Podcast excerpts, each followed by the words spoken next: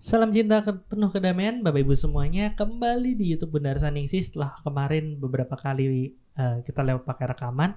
Akhirnya live lagi dan ya mungkin harus penyesuaian lagi dengan live-nya. Agak grogi saya. Dan hari ini kita akan ngomongin sesuatu yang seru yaitu ngomongin kutukan. Oke? Kita pelajari sama-sama. Bukan belajar mengutuk ya tapi bagaimana proses kutukan itu. Semesta ini penuh dengan misteri. Banyak yang mencoba menguak misteri, namun tak bisa karena terbatas ruang dan waktu. Saya, Trasto Mahotama dan Bunda Arsaningsi akan menguak tabir itu dan akhirnya memahami misteri semesta. Acara ini dipersembahkan oleh Yayasan Cahaya Cinta Kasih adalah yayasan yang didirikan untuk melakukan kegiatan kemanusiaan, pembentukan karakter dengan dasar cinta kasih yang sederhana dan universal. Dengan support dari donatur di seluruh Indonesia, melayani secara lahir dan batin, melalui bantuan sembako, obat-obatan, penyuluhan proses olah rasa.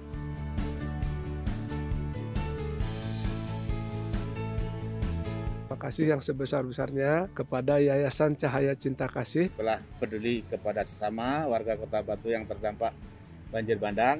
bersama-sama membantu masyarakat yang tertimpa musibah akibat gempa bumi. Support kami dengan berdonasi melalui rekening yayasan yang ada di deskripsi. Iya, oke. Masih grogi, masih berpikir habis ini mau ngapain.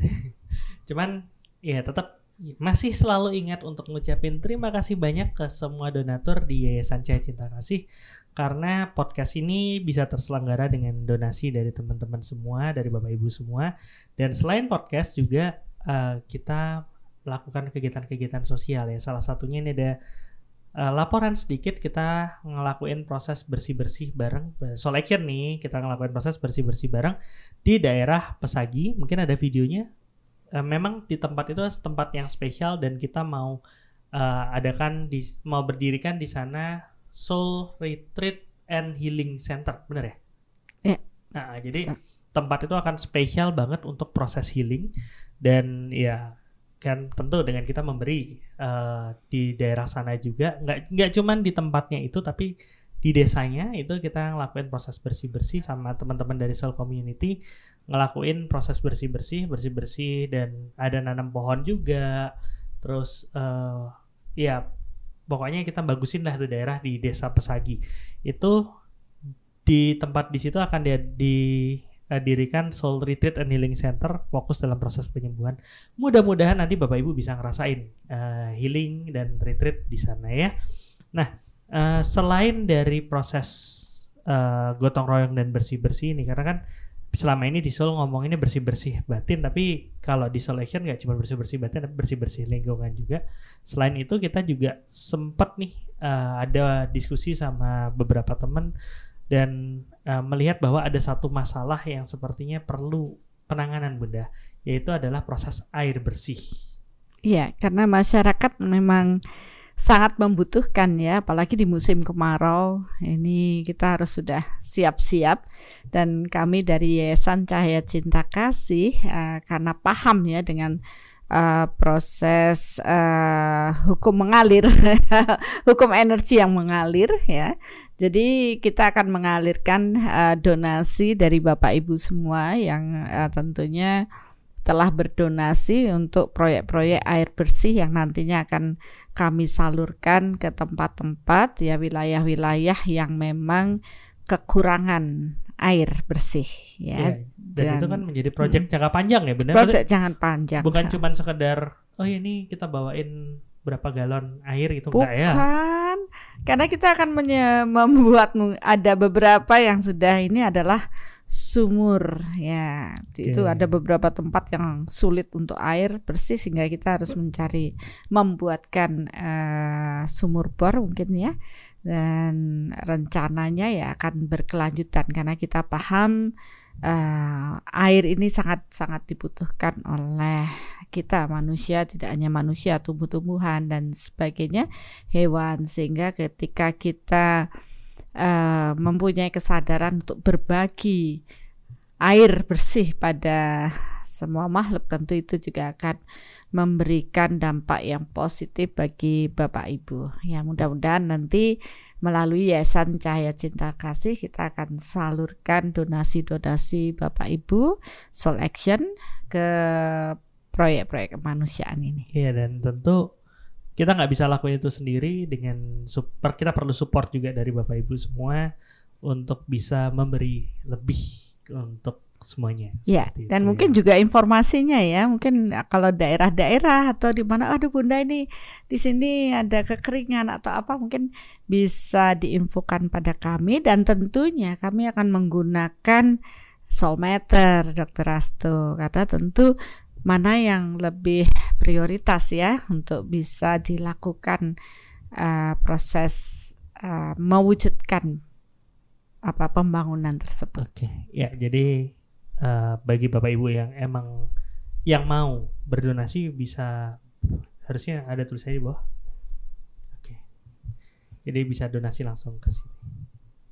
Oke, kita masuk pembahasan kali ini. Pembahasan yang saking serunya sampai ketunda dua minggu. Saya tuh sudah mengamati gitu loh. Eh, Setiap ada proses penundaan, karena tentunya penundaan bukan dari kita ya, Dokter Aste ya. Maksudnya pasti ada aja sesuatu yang membuat eh, itu tertunda. Ya, tidak ada yang kebetulan gitu loh. Nah, Yang ini- kemarin juga ditundanya nggak nggak sengaja itu. Iya, memang tidak tidak Saya kita nggak- sudah mem- mempersiapkan. Saya nggak sengaja ah jatuh ah gitu nggak ya? Enggak sih. Ya begitulah. Ya, tapi ya mudah-mudahan kali ini dengan mampu ditayangkan saat ini ya bisa memberikan edukasi pada Bapak Ibu semua dan membuat kita paham kenapa hal berhubungan dengan kutukan itu terjadi pada kehidupan kita. Iya dan eh, mungkin bagi beberapa teman ini menjadi sesuatu yang eh, wah atau sesuatu yang baru gitu. Tapi bagi beberapa teman lain udah jadi makanan sehari-hari gitu bunda. Ngomongin masalah kutukan ini dan tentu ya maksudnya biar kita seru banget bahasnya itu nanti kita akan datangkan eh, apa ya tukang kutuk profesional. Jadi profesi itu iya, profesi eh, dia sudah berlatih sekian lama untuk mengutuk-ngutuk orang gitu kan. Ya, nanti kita ke- nanti kita akan apa namanya eh, ngobrol sama dia. Cuman Oke. sebelum mulai ke situ kita Hmm, kita harus bikin satu eh, frame dulu, satu batas Ya. dulu. Kutukan tuh apa? Kenapa? Karena namanya definisi itu kan sesuatu definisi saya, definisi Bunda bisa saja berbeda. hmm. Si A bilang kutukan adalah seperti ini, si B bilang seperti ini itu wajar Ya, banget. boleh-boleh Ya, saja boleh-boleh kan. aja gitu. Cuman Ya. yang kita omongin tuh yang mana sih? Hmm, tapi kalau sebelum sebelum mau kita omongin nih, kita lihat dulu dong definisi yang beredar di masyarakat. Iya, karena ada yang bilang nih kutukan itu kalau misalnya eh, sesuatu, Hmm. misalnya dia mengalami satu proses yang sial terus menerus gitu, Hmm. itu dibilang kutukan, ya kan? Terus ada yang dibilang eh, kutukan itu terjadi gara-gara eh, gara-gara dia melakukan satu kesalahan, misalnya eh, apa namanya? Kayak ada tuh satu daerah yang dibilang itu satu candi di candi itu ada kutukan dan semua orang yang datang ke sana sama pasangannya pasti akhirnya putus. Itu dibilang kutukan. Ada juga dibilang kutukan itu kalau ini nih kemarin ada satu kejadian nih kejadian yang mungkin eh, parah gitu ya kayak perang eh, apa Ukraina, Ukraina. sama eh, apa namanya Rusia gitu Hmm. banyak banget tokoh-tokoh yang bilang saya mengutuk kekerasan di sana. Itu kan udah ngomong, saya mengutuk gitu kan. Hmm. Jadi suatu proses kutukan. Udah gitu banyak juga yang dibilang eh, apa? Oh kalau habis habis mendapatkan ini nanti akan mendapatkan kesialan bla bla bla bla. Banyak banget Bunda. Nah, kan itu jadi bingung sebenarnya. Kutukan tuh yang kayak gimana sih? Apakah yang salah satu dari tadi atau jangan-jangan sesuatu yang benar-benar beda daripada apa yang dibilang sama orang-orang di luaran itu. Iya, bahkan saya jadi inget nih barusan. Oh iya, maling kundang itu juga dikutuk ya, jadi batu. Ih, itu itu banyak banget. Adalah ceri ada cerita yang dibilang apa namanya?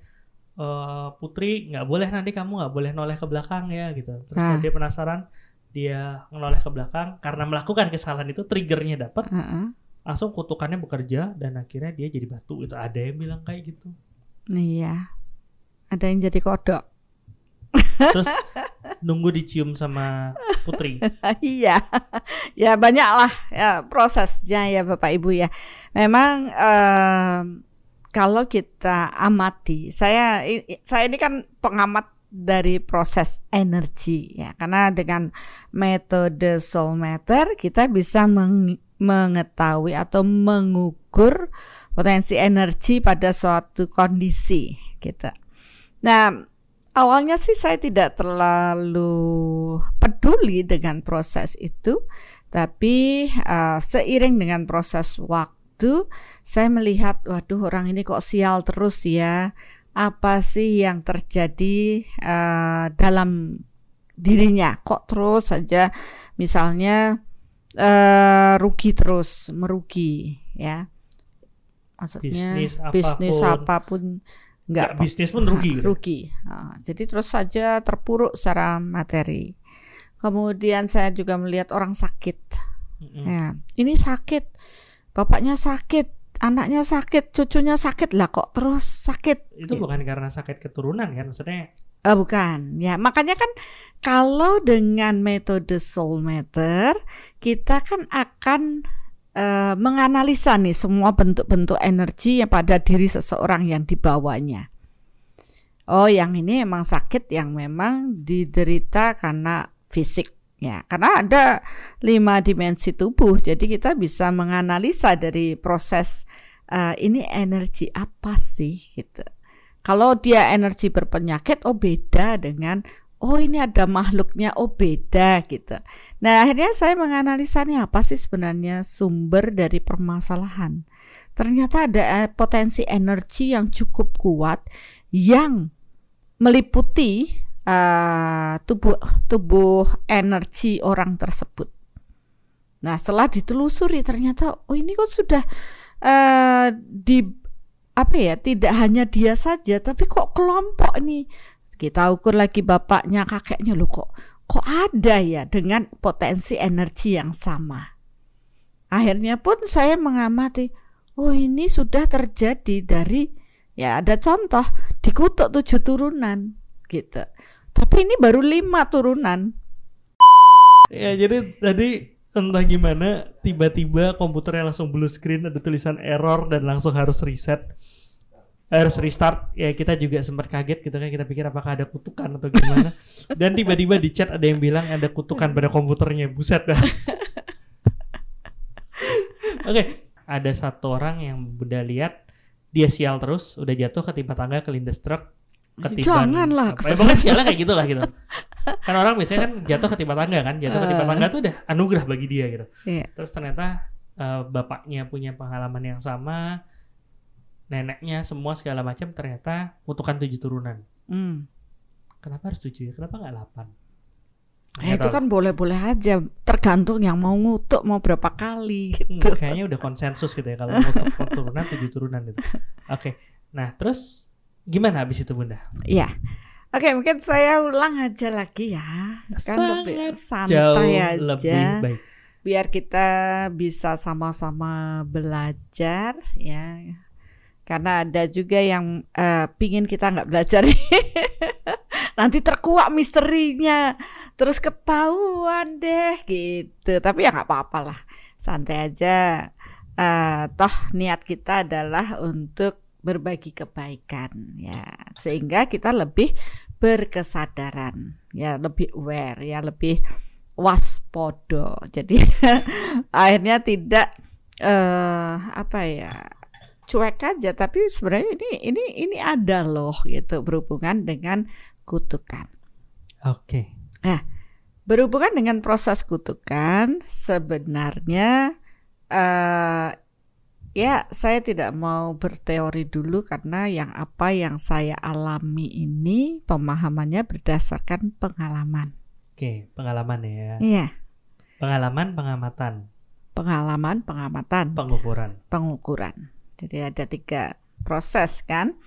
Jadi eh, kita tidak boleh percaya begitu saja dengan apa yang dikatakan orang, ya. Tapi kita harus eh, bisa mengamati, ya, menelaah dan tidak cukup hanya di situ saja. Tapi dengan metode soul matter akhirnya kita bisa mengukur kebenaran dari opini-opini yang eh, dikatakan oleh banyak orang, dikatakan di kitab-kitab, di buku-buku, apakah itu ke, suatu kebenaran? Karena semua bentukan energi di alam ini akan terekam di semesta ini atau di di alam semesta ini, ya di bumi ini. Jadi eh, kita akan lihat ya, tidak hanya percaya begitu saja, saya pun melakukan pengamatan ya, karena saya kebetulan eh, berinteraksi dengan banyak orang di mana mereka eh, mempunyai masalah dan selalu datang untuk mencari solusi dan dengan proses soul matter akhirnya kita dapat menemukan solusi dari permasalahan mereka. Nah, contoh-contoh ini banyak sekali yang saya alami karena saya mengamati dari bentukan-bentukan energi yang ada pada tubuh seseorang, ya. Jadi di kalau kita pelajari kita mempunyai lima dimensi, lima dimensi tubuh ya dan di masing-masing dimensi ini tentu mempunyai energi yang berbeda-beda ya.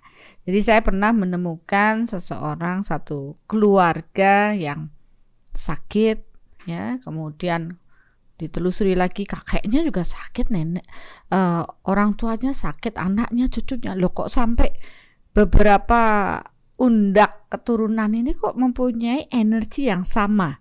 Energi kesamaan energi ini eh, bukan karena sesuatu yang normal misalkan penyakit ya tentu ada bukan proses genetik ya bukan gitu ya bukan proses genetik tapi energi yang berbeda. Nanti kalau udah diukur bisa dengan soul meter kita akan tahu. Apalagi kalau kita fokus pada uh, proses jos pertanyaan yang jos ya. Sehingga oh bener ya spe lebih spesifik oh akhirnya kita bisa merasakan juga perbedaan energi satu sama lain nah di sini saya mengamati oh ternyata dari sekian undak keturunan ini mempunyai kapasitas energi yang sama yang membuat masalah Tentu energi ini juga bisa terukur apakah energi ini akan mempengaruhi masalah kesehatan atau masalah kemakmuran atau masalah hubungan ya. Jadi eh, ini pun ada. Ada yang kesehatan saya dapatkan. Jadi mempunyai kecenderungan yang sama dengan proses kesehatan.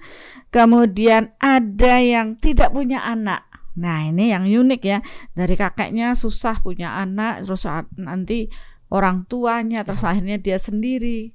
kalau dari kakeknya nggak punya anak gimana bisa ada cucunya? Maksud ada sih ada, tapi sulit gitu dan tidak banyak gitu. Ini- Hanya satu, hanya satu, hanya satu.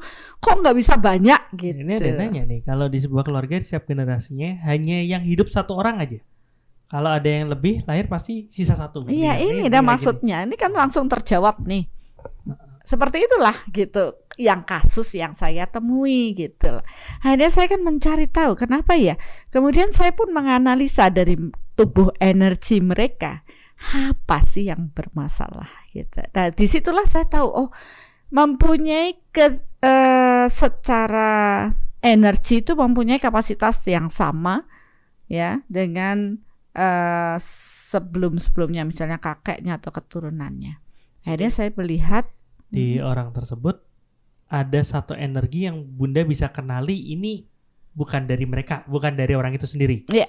Dan energi itu ditemukan juga di di keluarga, Keluarga yang, yang lain, lain. yang bermasalah ya akhirnya kan kita mikir wah ini kan eh, istilahnya eh, suatu pemo, pemrograman ya satu eh apa ya istilahnya satu energi yang satu energi ya, diperintahkan yang diperintahkan oleh satu orang pasti ya. orang ya.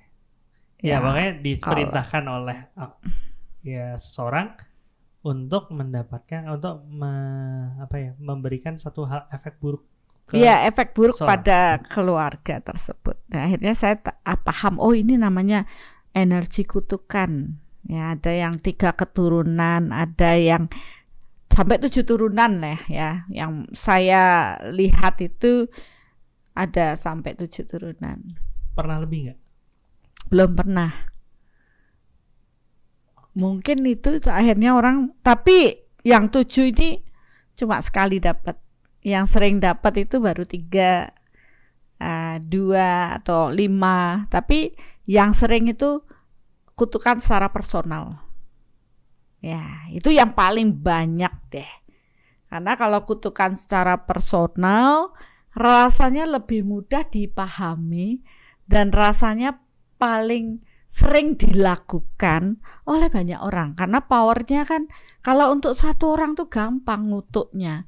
Dibanding yang power kutukan tujuh turunan yang sulit untuk dilepaskan. Butuh power yang besar untuk membebaskan orang-orang yang mempunyai kutukan atau dikutuk oleh orang yang power besar. Jadi dia harus ketemu orang yang setara yang lebih tinggi powernya untuk bisa membersihkan energi yang diperintahkan ya eh, secara kesadarannya untuk membuat dampak yang negatif pada anak keturunan tersebut. Nah, itu itu yang disebut kutukan. Jadi energi kapasitas power energi yang negatif yang diperintahkan oleh seseorang yang punya power energi yang cukup besar yang negatif untuk ya apa ya karena ini suatu perintah ya energinya itu akhirnya me- membentuk bentukan yang terus menerus sampai kalau memang eh, untuk bisa membebaskan diri dari kutukan harus bertemu dengan orang yang mempunyai power yang lebih tinggi dari orang yang yang telah mengutuknya. Oke, berarti eh, orang yang bisa ngutuk satu turunan sama yang bisa ngutuk tiga turunan, berarti yang bisa ngutuk tiga turunan itu lebih sakti. Powernya lebih sakti. Yang tujuh turunan lebih sakti lagi. Ini ada nanya sih, kalau untuk tujuh turunan tuh maksudnya sampai kelahiran berikutnya bukan ya? Bukan, Jadi bukan. Tujuh turunan itu dari Kakeknya, apa ya? bapaknya, apa? buyut kakek Bu- ah. buyut apa namanya canggah atau apa saya nggak nggak hafal. terah. Ya salam satu terah. Oke. Nah, eh, apa tadi kan Bunda bilang berarti kutukan itu adalah ad- pada saat energi ini diprogram oleh seseorang atau satu entitas untuk membuat eh, efek buruk terhadap orang lain. Mm. Nah, kalau Dan itu kalau kalau powernya besar ya akan terus eh, apa ya turun temurun. Nah, sesuai dengan perintahnya. Bahkan eh, kutukan itu tidak hanya untuk manusia loh ya. Energi kutukan ini juga ada untuk tempat. Ada suatu daerah yang pernah saya alami. Daerah tersebut dikutuk dalam proses kemakmuran. Ya. Jadi di sana itu apa pun dibuat usaha apa pun tidak pernah jadi.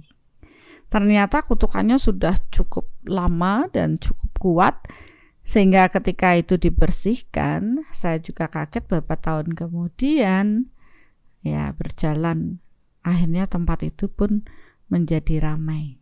Ya, ramai secara kemakmuran berjalan.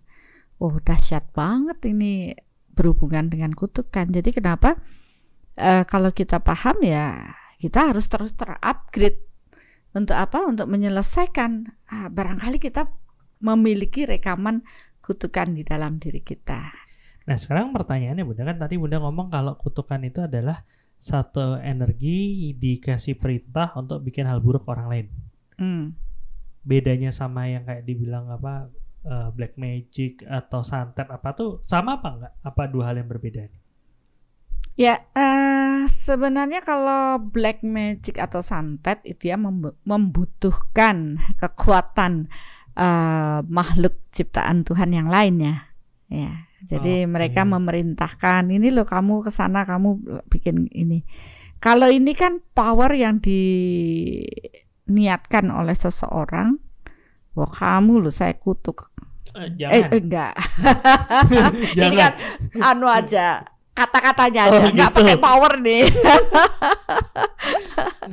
ya, oke. ya jadi kamu loh saya eh, ntar kamu nggak dapat jodoh misalkan baru putus cinta gitu sama pacarnya terus pacarnya marah terus pokoknya kamu nggak dapat jodoh nanti kamu susah cari eh akhirnya bener kata-kata itu mewujud bahwa dia sulit untuk mendapatkan jodoh ya jadi ini power yang di eh, kata-kata atau niatan yang dilakukan oleh seseorang dengan melontarkan energi. Jadi energi ini langsung terkirim ke apa orang-orang yang dituju dan itu mengganggu proses kehidupannya. Ada yang bilang ngeri kalau bunda yang keluar kata-kata itu. Kata-kata tak kutuk. ya. Nah, eh, sekarang balik lagi kalau berarti kalau misalnya dengan definisi itu Mm-mm. kita nggak ada nggak bisa bilang dong. Ini ada yang nanya nih, Hmm. Sandi. Hmm. Kita ketemu orang gitu, terus dia ngeliatnya melarat atau gimana? Tak kutuk kamu biar makmur gitu.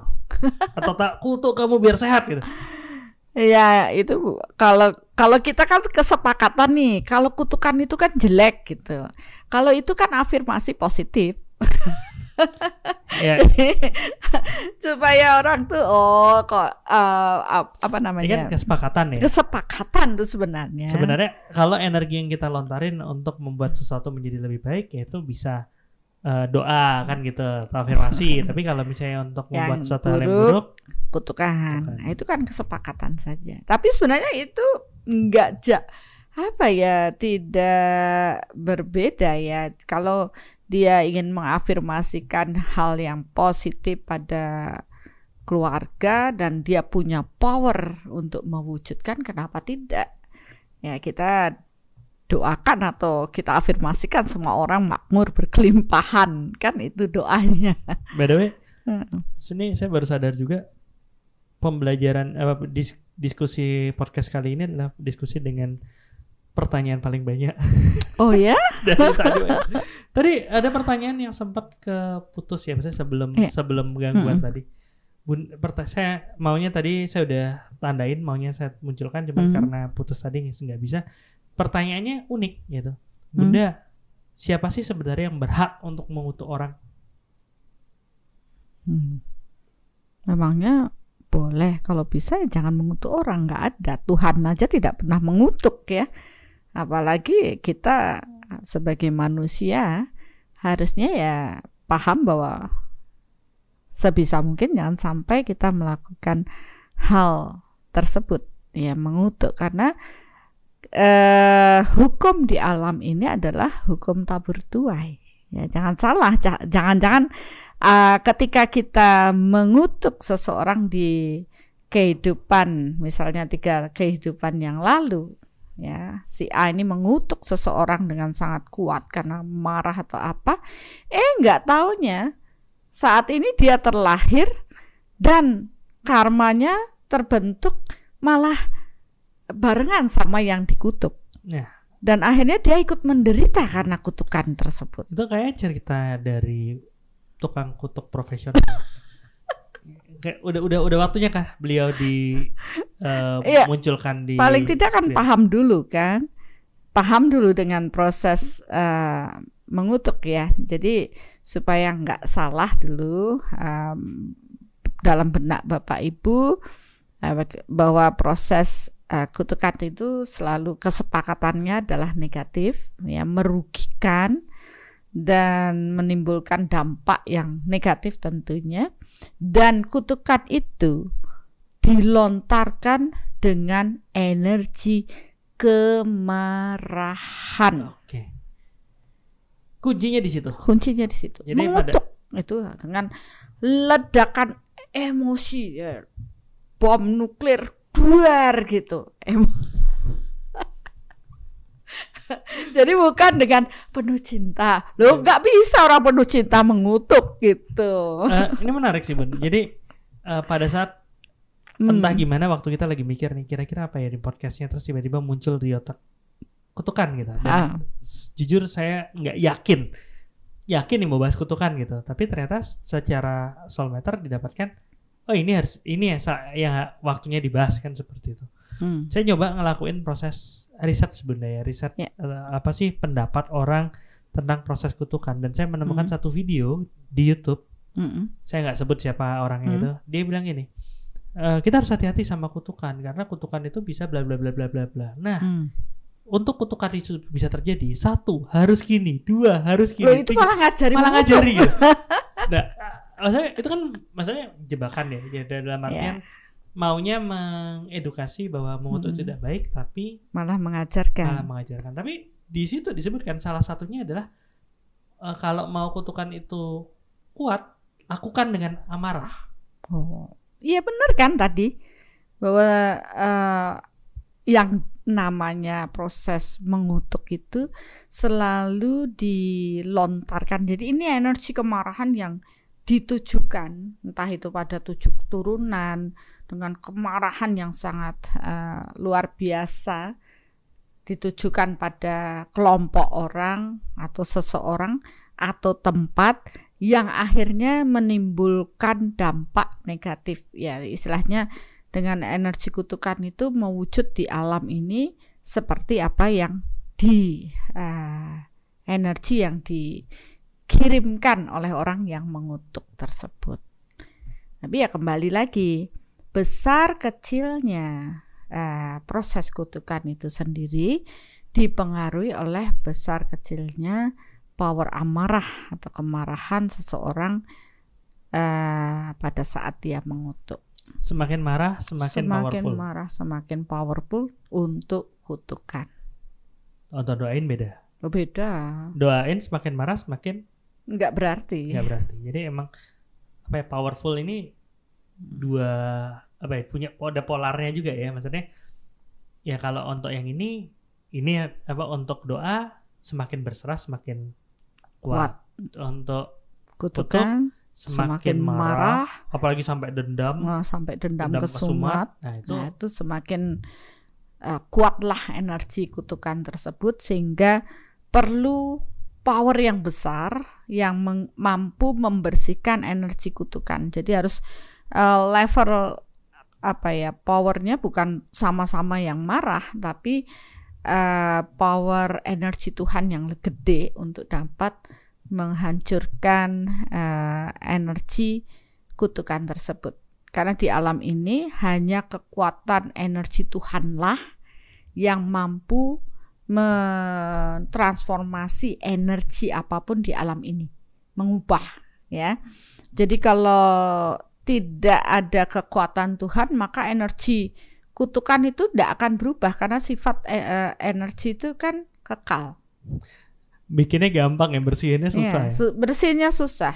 Kutukan yang dengan kuat dengan emosi atau dendam kesumat ini bersihin susah. Jadi akan terus turun kalau dia bes- eh, kuat ya itu akan mewujud dengan kutukan yang jadi sampai tujuh turunan. Mungkin kalau karena mungkin eh apa ya yang masih hidup tujuh turunan ketemunya. Coba kalau mungkin kutukannya udah jauh lebih lama bisa sampai ratusan kali kalau belum ada power yang cukup kuat. Ya, tapi saya pernah menemukan kutukan yang dibentuk dengan power yang sangat kuat itu dari zamannya Adam Hawa sampai sekarang Masih ada itu kutukan. masih ada gitu. Tadi saya kira bakal ngomongin kutukan eh, yang yang terkenal kan kayak Sabdo Palon itu kan. ya. Hmm, hmm. Itu kan 500 tahun. Ternyata Oh, udah Bunda, selesai. Bunda ngasih tahu yang lebih jauh lagi gitu. ya. Ah, tapi ada itu benar. Ya, bahkan eh, yang diceritakan ya saya juga takjub apa takjub. Terheran-heran ya dengan yang diceritakan tadi di awal itu ternyata ya saya menemukan hal tersebut gitu. Diceritakan yang mana? Yang yang eh, pada kesempatan itu jangan menoleh. oh ya, Ah, itu itu ada. ada. Dan masih di sana. Oke. Oke. Saat itu. Ya udah. Nah ini ada pertanyaan banyak yang gimana cara ngapus kutukan kita nggak ngebahas itu dulu Jangan dulu nanti. karena Ah, kalau kita ngomongin ngehapus kutukannya tapi kita belum paham bener kutukan itu ya akhirnya nggak nggak maksimal ya.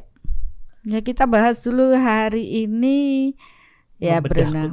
Ah, masalah supaya kita lebih berkesadaran untuk tidak Mengutuk. mengutuk dulu. Nanti besok mungkin ya eh, eh maksud bukan besok ini. Maksudnya episode berikutnya kita baru bahas bagaimana sih caranya. Atau mungkin nanti dapat clue dari eh, para Pengutuk profesional. pengutuk profesionalnya. Oke. Geli sendiri sama pengutuk profesional.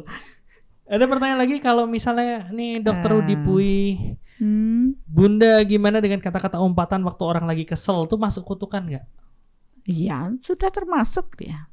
Semua dari orang lagi kesel, kata-kata itu sering sekali eh, tidak dilakukan dengan apa ya berkesadaran ya. Tapi ya namanya energi itu sudah terkirim ke mana-mana, makanya hati-hati. Nah, kita kan harus berlatih untuk berkesadaran. Jadi sadar apa yang akan kita kirimkan pada orang lain ya sehingga tidak menimbulkan hal buruk pada orang lain. Nah, ini ada pertanyaan lagi. Bunda, gimana kalau nggak sengaja mengutuk pas marah? Habis itu sadar dan nyesel. Selanjutnya minta maaf sama Tuhan dan orang yang dikutuk pada hari yang sama. Apakah kutukan itu masih ada dampaknya? Tergantung ya. Ya, tergantung seberapa cepat kita punya kesadaran dan tergantung seberapa power kita mampu menarik en- atau membersihkan, mentransformasi energi kutukan yang sudah kadung nemplok di Iya. orang tersebut. Jadi kalau yang sekarang kita bahas adalah pikiran. Kalau kita ngomongin pikiran yang buruk, itu sudah menjadi satu proses kutukan. iya, tan iya, itu sebenarnya terjadi begitu saja. Mau sadar nggak sadar. Mau sadar nggak sadar. Masalah bersihinnya nanti Ya, belakangan. karena bersihnya lebih susah. Oh iya pasti bun. Nah itu banyak orang yang nggak sadar. Padahal ketika kita ngumbar hawa nafsu, ngumbar marah, dendam itu energi yang kita kirimkan pada orang yang kita eh, kirimkan itu sudah namanya kutukan gitu. Dek, energi itu sudah mempengaruhi Berarti energi seseorang. Ini iya ya. Mengutuk bisa hanya di pikiran kan? Bisa, tidak harus dengan kata-kata. Tapi kan itu tadi eh, en- karena hukumnya adalah energi mengikuti pikiran. Dalam kondisi kita marah, kita tidak ngomong tapi cuma menteleng, siapa tahu kan ada orang gitu. Dia marah, dia tidak ngomong, dia hanya menteleng apa menteleng tuh apa melotot gitu ya. Melotot udah gitu zoom in zoom out zoom in zoom out ya. Kayak, Udah. sinetron sinetron itu ya. Udah melotot gitu terus akhirnya di pikirannya udah sialan kamu tak kutuk kamu. Nah, kalau di sinetron sinetron yang awas kamu sambil ngeliatin ngeliat kamera terus zoom in zoom out zoom itu udah kutukan itu ya. Iya, kalau itu kan Kalau niat beneran. Oke. Yaudah. Eh untuk proses dasar kutukannya nih sudah tadi udah diomongin. Nah, terus ada Hmm. satu pertanyaan lagi. Eh, pertanyaannya tadi udah udah tenggelam lah. Maksudnya udah banyak banget di situ. Mm-mm. eh kenapa sih kalau proses kutukan itu kalau dari orang tua ke anak biasanya lebih powerful atau lebih kuat? Maksudnya lebih sering terjadi daripada ke yang Hmm. lain. Itu memang seperti itu atau itu hanya persepsi karena ya dia taunya itu gitu. Iya, kurang kurang luas realitanya. Kurang banyak latihan mengutuk. Bukan. Bukan. Maksudnya gini, selama ini kan pemahamannya cuma dari orang tua karena ada cerita maling kundang kan gitu. Jadi wah kalau orang tua yang ngutuk hanya untuk anak, untuk anaknya cepat sekali. Padahal tidak seperti itu. Karena proses kemarahan yang ter, yang terlontarkan, energi kemarahan yang terlontarkan pada siapa pun, kondisi apa pun, eh, dendam itu ya sudah menjadi suatu kutukan. Energinya udah bisa dinyatakan sebagai kutukan karena energi itu melukai dan eh, menimbulkan dampak negatif pada orang lain. Nah, tidak tidak hanya pada orang dari orang tua ke anak, tapi sebenarnya ya dari siapa pun ke orang lain ya pasti juga akan bekerja gitu. Tetapi banyak sekali eh, kutukan itu malah tanpa kita sadar ya dari orang-orang yang terdekat. Ya kalau dari orang jauh, orang jauh nggak mikirin kita masalahnya. Iya, dan orang jauh eh, nggak sering ketemu kita. Ya kecuali kalau misalnya ada public figure gitu kan, udah gitu dia Ya. melakukan sesuatu yang nggak disukain. Ya kayak eh, apa Ukraina sama Perang ini. eh, ya, eh, Ukraina sama Rusia Mm-mm. atau proses perang-perang yang lain gitu kan. M- Hmm. Tokoh tokoh-tokohnya ini mungkin dapat kutukan dari seluruh dunia kan. Iya. Tapi kalau kecuali seperti itu ya paling orang-orang dekat aja. Ya, pokoknya itu kan banyak karena kita masih makhluk sosial berinteraksi dengan banyak orang sehingga ya dari hasil proses interaksi itu pasti ada dong dari kita yang melakukan eh, tanpa kita sadari maupun dengan kesadaran mengutuk sesuatu. Oleh karena itu kan eh, inilah tujuan kita lahir menyelesaikannya. Membersihkan mungkin kita dikutuk orang atau ketika kita mengutuk dulu ya itu tentu akan mengotori tubuh energi kita dan di sinilah kita mempunyai uh, swadharma jiwa atau misi jiwa membersihkan semua kekotoran-kekotoran yang ada di diri kita. Ada satu pertanyaan menarik Hmm. dari Prabu Diksha. Diksa. Mungkin mohon maaf kalau ada salah sebutnya. Apakah bisa saya simpulkan bahwa yang kita kutuk adalah karma dari orang yang kena kutukan karena amarah kan muncul dari kesalahan-kesalahan berulang dari orang tersebut. Bahwa yang kita kutuk adalah Si karma A ngelakuin Hmm. kesalahan sama si B. Misalnya Hmm. eh, ya ngomongin sinetron misalnya percintaan gitu lah ya. Hmm. Si A sama si B pacaran tapi si, si B selingkuh gitu kan. Hmm. Si B selingkuh, si A kesel, si A ngutuk si B. Hmm. Bisa dibilang nggak kutukan si A ke si B ini adalah karma yang diterima sama si B? Karena kan dia melakukan proses kesalahan di sini. Melukai gitu. Atau itu sebenarnya adalah karmanya si A sendiri? Iya, sebenarnya kalau uh, kalau dirunut dari proses past life, tentu dong ada hubungannya ketika uh, dua orang ini saling dipertemukan, ya, untuk saling um, menuai, menuai dari apa yang mereka lakukan dulu. Tapi kembali pada proses ini, eh, bisa saja satu kejadian itu bagian dia menuai, bisa saja satu kejadian itu bagian dia membentuk karma baru di kehidupan saat ini. Jadi tidak semuanya murni dari proses uh, pembayaran karma di past life. Jadi mungkin aja eh, itu sebenarnya bukan sesuatu yang penderitaan yang harus dia harusnya dia legowo dan bisa menerima dengan baik tapi ternyata emosinya masih meledak-ledak sehingga dia malah membentuk karma buruk dengan mengutuk ke sana sini dan itu juga nggak akan eh, ke mana-mana kok.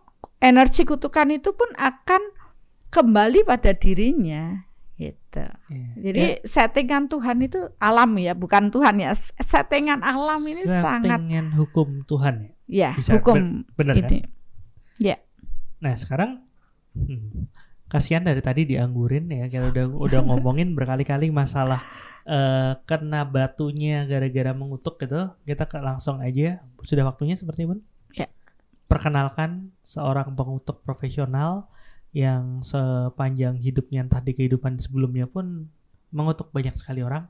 Dan sekarang sering kaget kaget gitu baru ketemu sama si siapa gitu. Eh aku pernah ngutuk dia. Eh aku pernah ngutuk dia. Bahkan ikan pun ada pernah dikutuk. Silahkan perkenalkan diri. Halo, selamat malam Dokter Asto. selamat malam Bunda, selamat, Selamat malam. eh, teman-teman yang menyaksikan poke- podcast Bunda malam ini. Perkenalkan nama saya Gong Tuni, pengutuk profesional. jadi eh Gung Tunik ya, sudah berapa tahun berprofesi menjadi seorang pengutuk?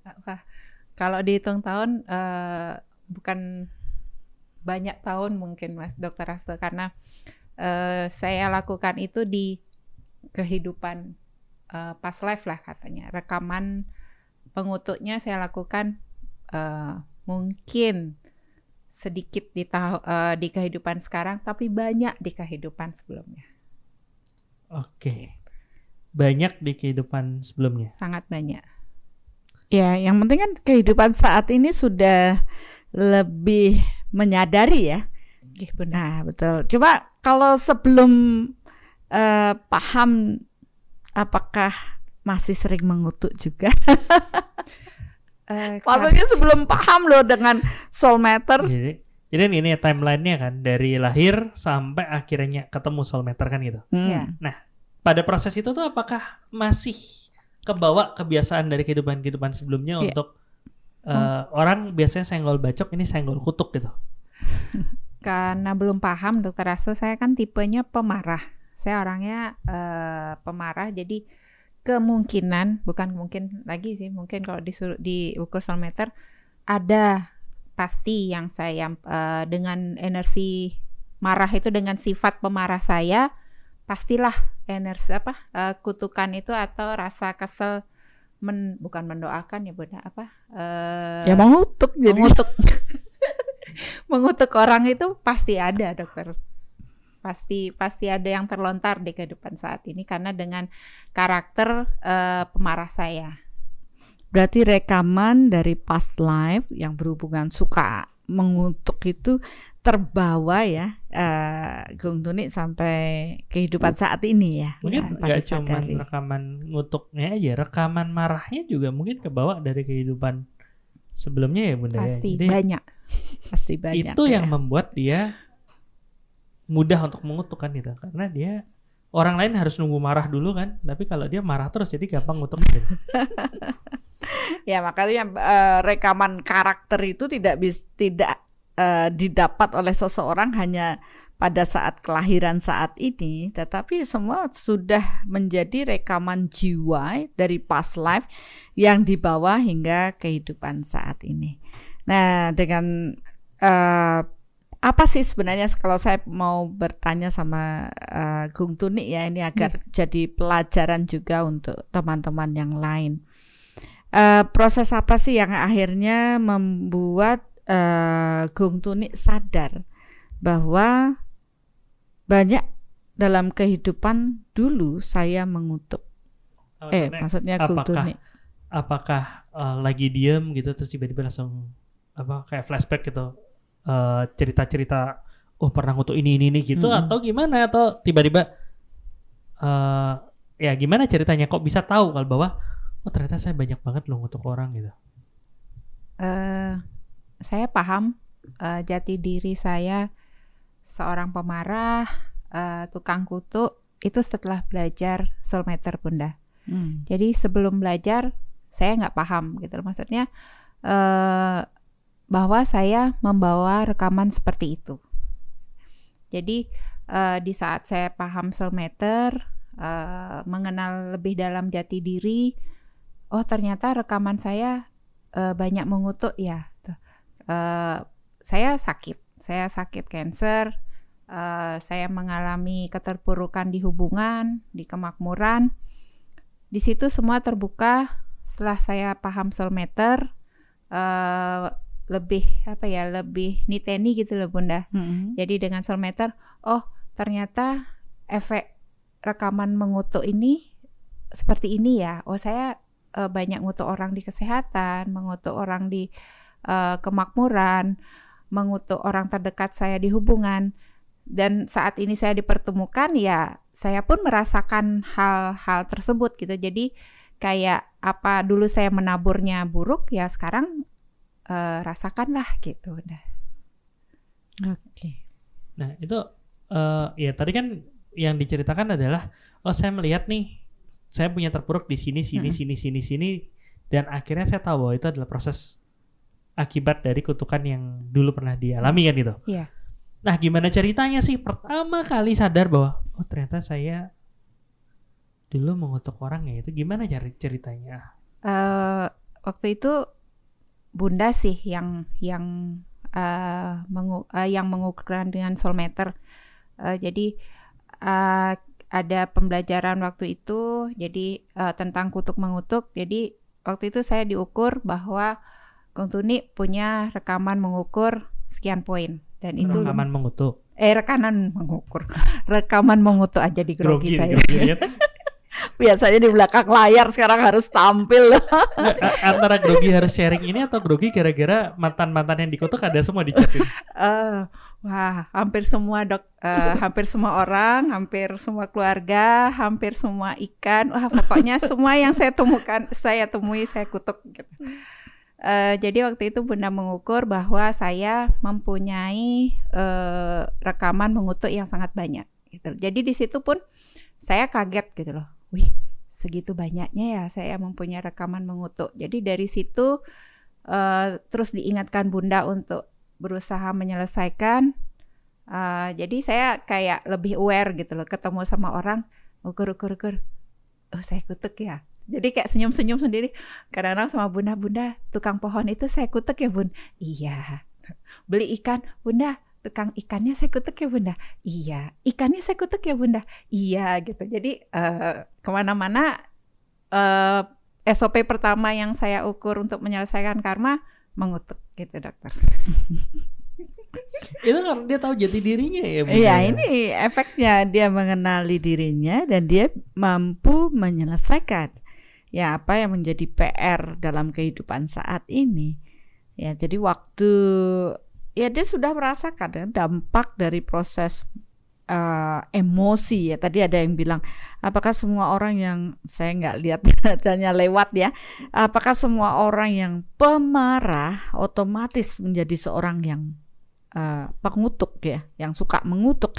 Ya jelas, ketika dia penuh dengan kemarahan, apa pun yang dipikirkannya akan penuh dengan energi kemarahan yang ditujukan pada orang yang sedang berinteraksi dengannya dan tanpa disadari energi itu melekat ya melekat pada orang tersebut dan seiring dengan proses waktu mewujudkan apa sesuai dengan energi yang dikirimkannya. Ya, jadi itu proses eh, membuat masalah atau membuat eh, penderitaan pada orang lain. Boleh nanya lagi ya ke apa tamu kita nih. Boleh dok. Dari sekian banyak eh, orang yang akhirnya di berhasil diidentifikasi bahwa oh ternyata dia saya kutuk. Ada nggak cerita yang ternyata yang sempat kesel banget, sempat ngerasa kok aku jadi kayak gini banget, terus ternyata ketahuan bahwa ternyata penderitaan yang dialami sekarang itu akibat dari kutukan di masa Kutukan. lalu. Pernah nggak Kutukan ada yang pernah dilakukan. Soalnya kan orang penasaran nih kan. Se se apa seberat apa sih dosa orang ngutuk kan gitu kan? Apakah ya cuman gitu aja apa gimana? Nih Mm. yang yang ini udah ketahuan nih, udah ketahuan bahwa dia sering ngutuk dan apa nggak pernah nggak ada ngalamin seperti itu? Pasti pernah dok. Dan yang saya kutuk itu suami, anak, Wow. mertua. Eh, hampir eh, semua keluarga dekat saya ukur, hampir satu desa yang saya tinggal karena saya lahir di situ. Bapak ibu saya dari situ, nenek, kakek semua hampir eh, dari suami, dari ibu, bapak semua dari dari daerah situ. Saya pun nikah di daerah situ. Jadi saya paham kenapa saya harus lahir di situ gitu Bunda. Hmm. Jadi saya ukur satu-satu satu-satu. Oh ya. Oh iya. Jadi hampir satu kampung itu saya kutuk. Berarti kalau misalnya nih ya ternyata di ternyata dulu apa Guntur itu mengutuk desa itu biar desa itu tidak berkembang, biar desa itu tidak apa tidak, Tidak- makmur misalnya tidak seperti itu. Terus terakhir akhirnya dia lahir di situ juga.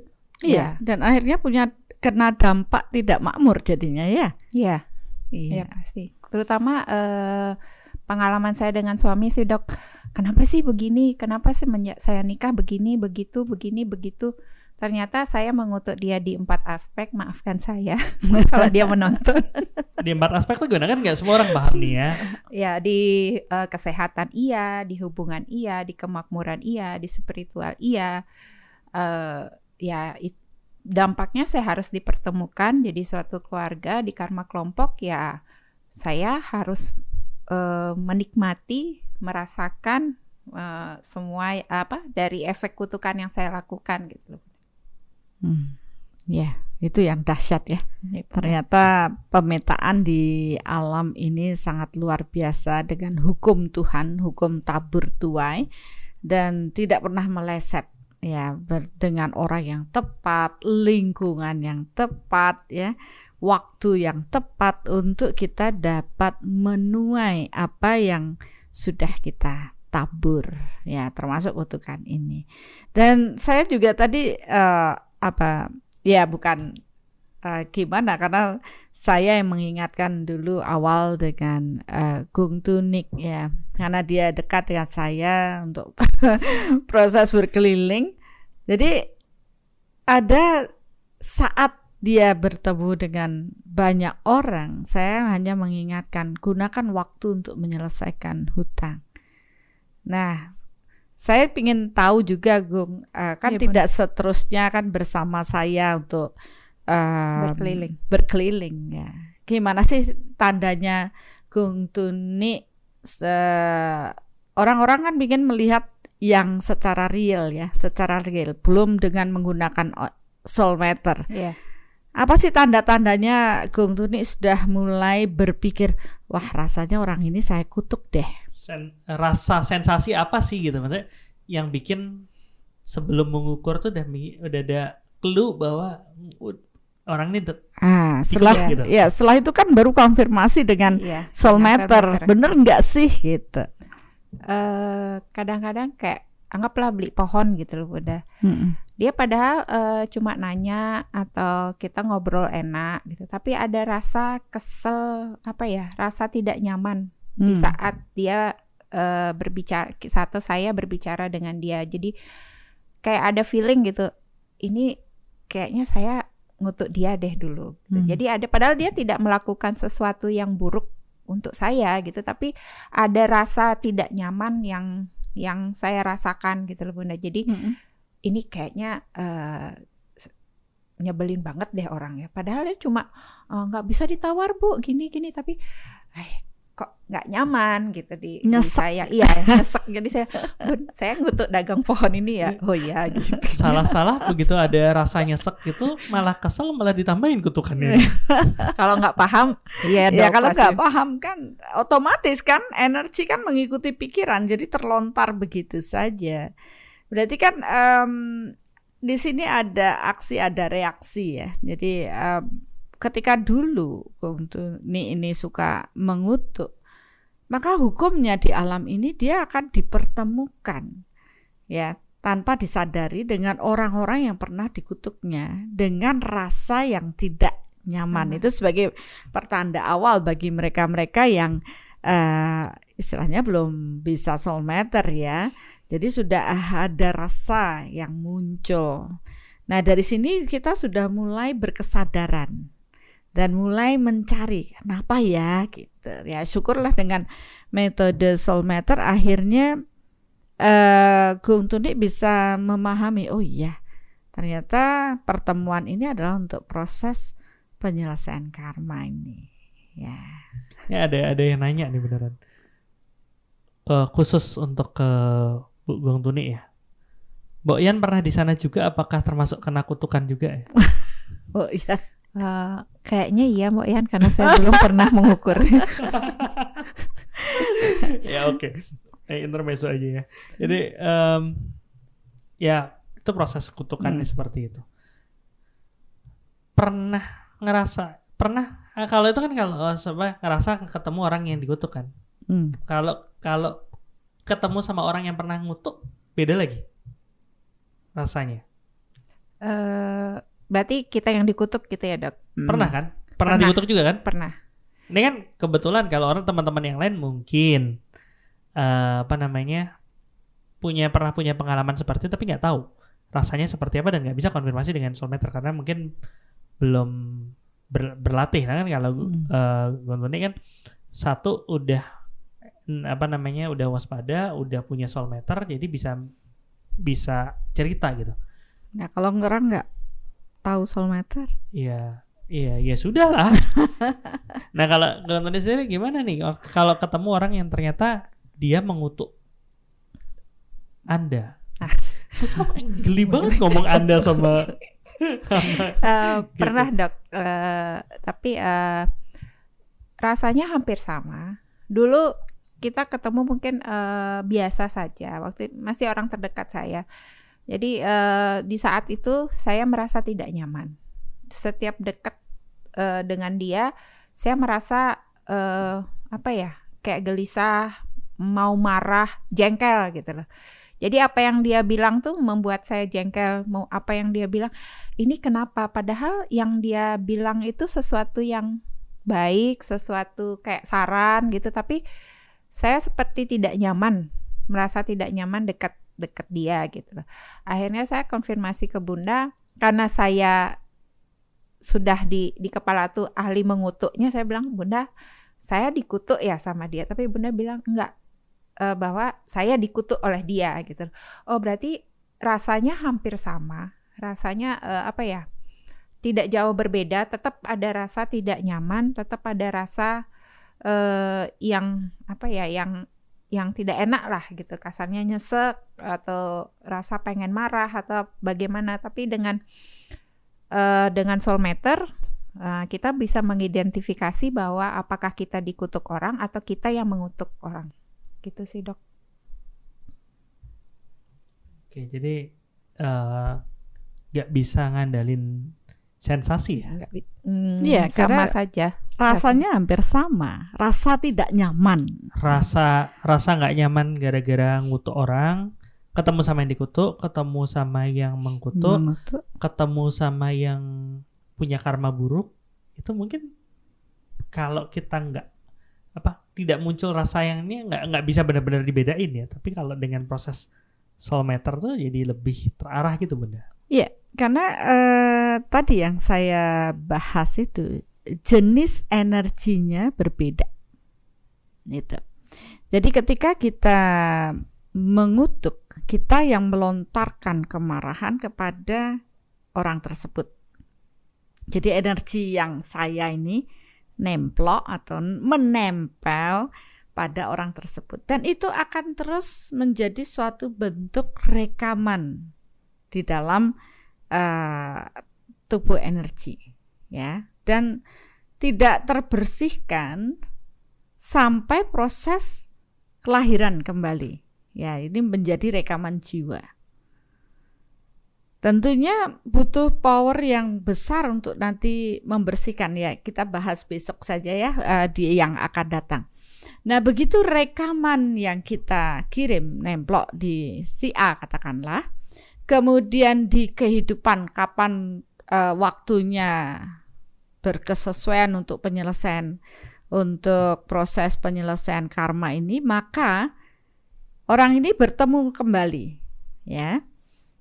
Karena ada energi yang tadi sudah kita kirim ke di pas live kita kirim ke mereka kemudian saat ini bertemu ya dulu pernah ada konflik maka rekaman rasa tidak nyaman itu juga akan saling bergesek nah, kita senggolan aja eh, tubrukan lah atau secara berfisik itu rasanya sakit nah kita secara tubuh energi bergesek aja kita sudah merasakan rasa eh, energi yang dibawa oleh seseorang. Apalagi ada hal buruk di sana. Ya, di mana kita harus merasakan penderitaan dari orang yang kita buat buruk tersebut. Mau nggak mau, ada kemungkinan seperti yang tadi ditanyakan, apakah prosesnya adalah proses penyelesaian karma? Iya, sampai eh, bergesek ini benar-benar kita menarik kembali energi yang kita kirim untuk ya kita tarik kutukannya sehingga membebaskan orang tersebut dan kita juga tidak menderita. Nah, di sinilah akhirnya saya mengamati, oh ternyata Tuhan itu memetakan dengan hukumnya, hukum alam, hukum energi, hukum tabur tuai, hukum karma ini, agar manusia ini menyadari hal-hal apa yang dia kirim pada orang lain yang buruk dan kembali untuk hadir membersihkan ya apa-apa yang dulu dia pernah tanam. Jadi PR-nya ya kita harus mengembalikan lagi. Kalau dulu dia mengotori dengan eh, Emosi. emosi, maka dia akan terus dikejar sama si A ini sampai akhirnya ya misalnya si B ngirim emosi pada si A.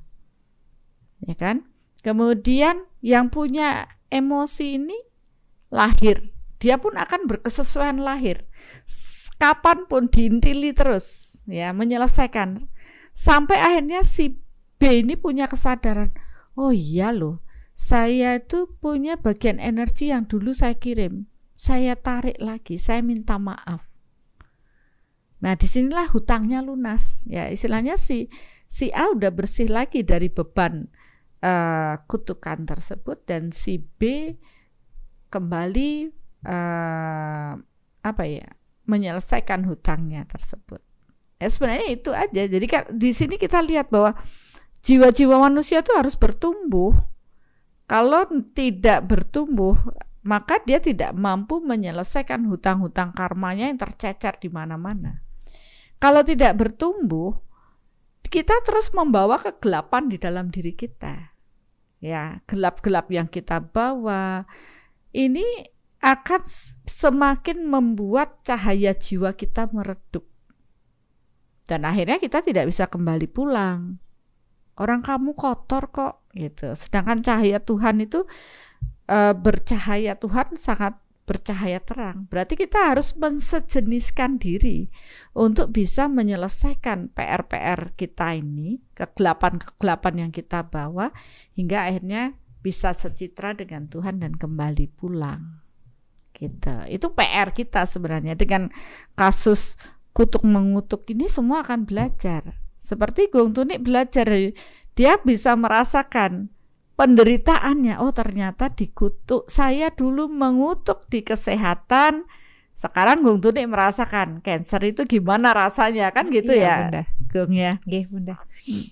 Jadi eh, dari apa yang saya alami juga cancer itu pun eh, bermula juga eh, Bunda kalau teman-teman ibu-ibu nonton, Bapak Ibu semua menonton Karma Reinkarnasi episode 1 di situ eh, karena rekaman marah yang besar eh, karakter pemarah saya yang begitu eh, yang begitu besar berdampak ke kesehatan saya juga gitu loh Bun selain dari proses eh, mengutuk di past life itu gitu loh Bunda.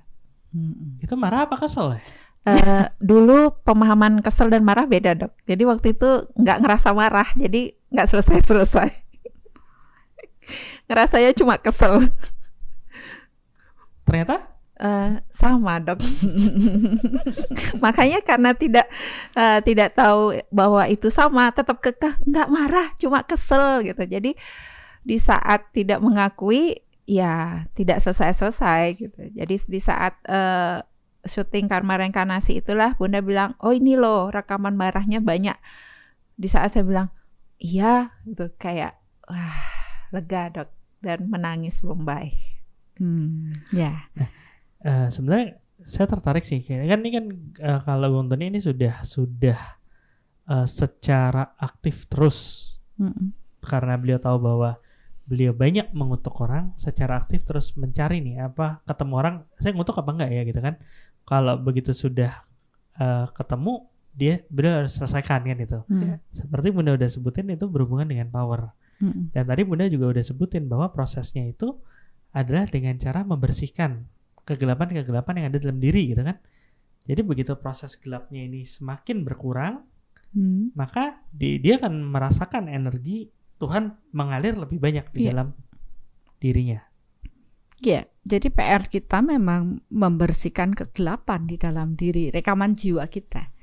Ya, contoh tadi udah eh, ya nggak apa ya nggak bisa dikatakan salah sekali ya karena proses jiwanya kan sedang bertumbuh.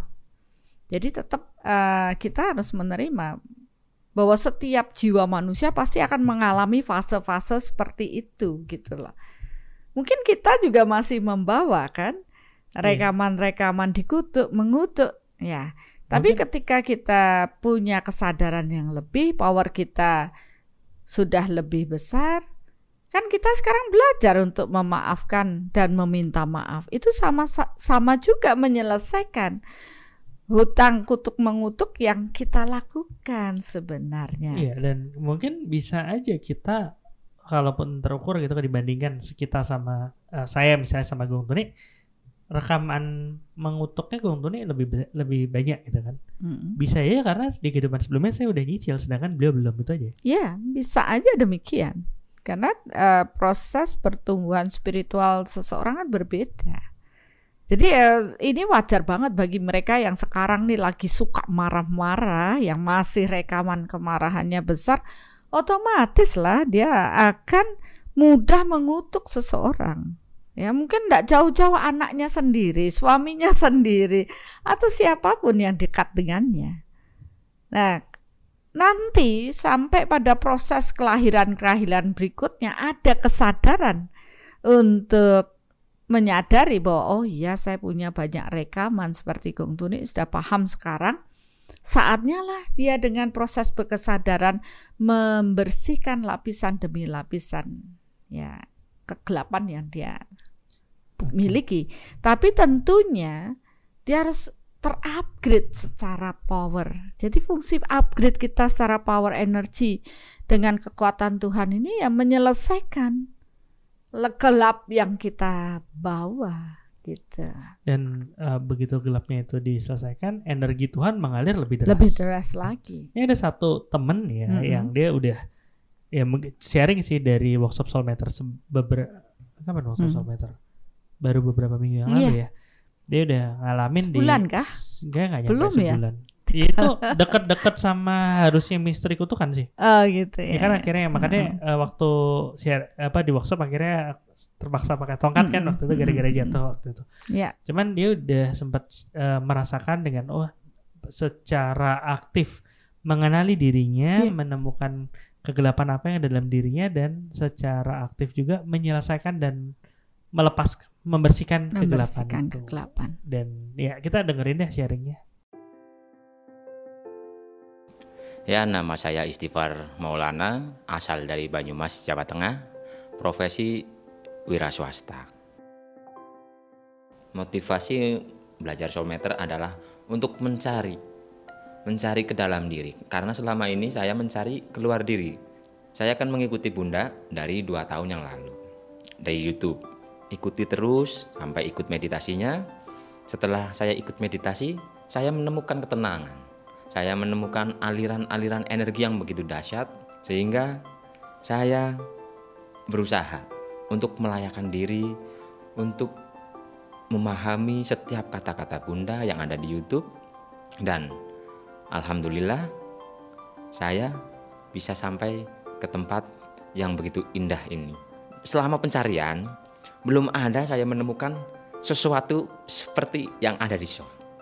Seoul sangat luar biasa, sangat memancarkan energi ilahi dan selama pencarian itu pun hanya ada di Seoul. Tidak ada yang lain lagi. Nah, selama ikut WSM tiga hari ini, yang paling berkesan itu adalah pas pembersihan. Dibersihkan oleh Bunda itu seolah-olah rasanya itu ah, sampai tidak bisa berkata-kata. Begitu luar biasanya pembersihan batin. Kekotoran-kekotoran ternyata selama ini saya seolah-olah udah merasa bahagia. Ternyata ketika dibersihkan, ketika diukur dengan soul, ternyata saya belum bahagia sama sekali. Dan dalam pembersihan itu baru saya tahu, saya merasakan apa itu yang namanya bahagia. Kalau bahagia kita belum 10 poin, mana mungkin kita bisa menemukan diri sejati kita. Dan di sini dibersihkan semua kekotoran-kekotoran batin kita, rekaman-rekaman jiwa kita di masa lalu, sehingga batin ini merasakan aliran energi ilahi yang begitu dahsyat, menemukan air yang begitu menyejukkan batin, dan semua itu hanya ada di sini. Karena kenapa saya bisa ngomong hanya ada di sini? Karena bertahun-tahun saya mencari jati diri saya. Saya terus mencari guru satu, guru dua, guru tiga terus dari beberapa guru-guru belum pernah saya menemukan guru yang seperti Bunda Arsaningsi yang memancarkan energi cinta kasih luar biasa yang langsung menusuk ke dalam jiwa saya tempat yang selama ini saya cari-cari. Dan itu hanya di sini tidak ada tempat yang lain lagi.